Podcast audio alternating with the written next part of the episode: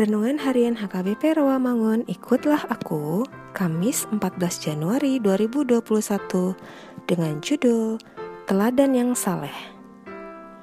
Bacaan kita pagi ini tertulis dalam Mazmur 139 ayat 1 sampai 6 dan bacaan kita malam ini tertulis dalam 2 Korintus 10 ayat 1 sampai 11. Dan kebenaran firman yang menjadi ayat renungan kita hari ini ialah Matius 5 ayat 14. Kamu adalah terang dunia.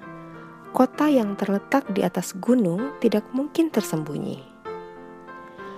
Dalam Kamus Besar Bahasa Indonesia atau disingkat KBBI, salah satu dari arti kata terang adalah dalam keadaan dapat dilihat atau didengar, nyata dan jelas.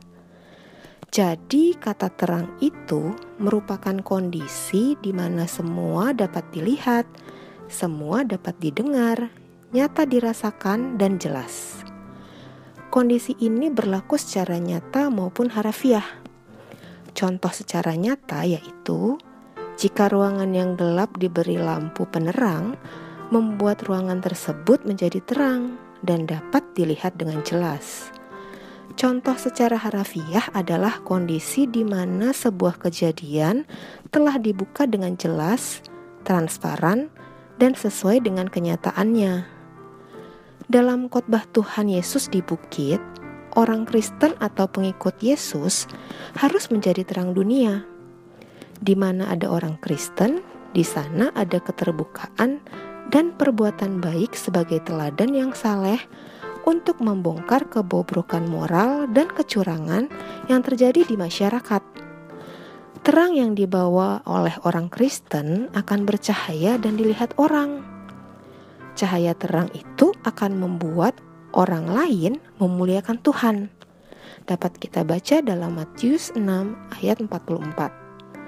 Sebagai orang Kristen, kita harus menjadi teladan yang saleh bagi sekitar kita memang susah, bahkan tidak mungkin untuk melakukannya. Tetapi dengan pertolongan Tuhan Yesus, kita pasti mampu. Sekarang tinggal kemauan kita saja. Apakah kita mau menjadi cahaya terang bagi orang-orang yang berada dalam kegelapan rohani, atau kita enggan menolong mereka? Mari kita berdoa.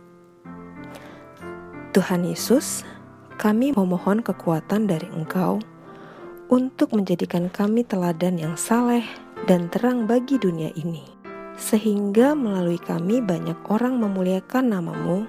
Amin.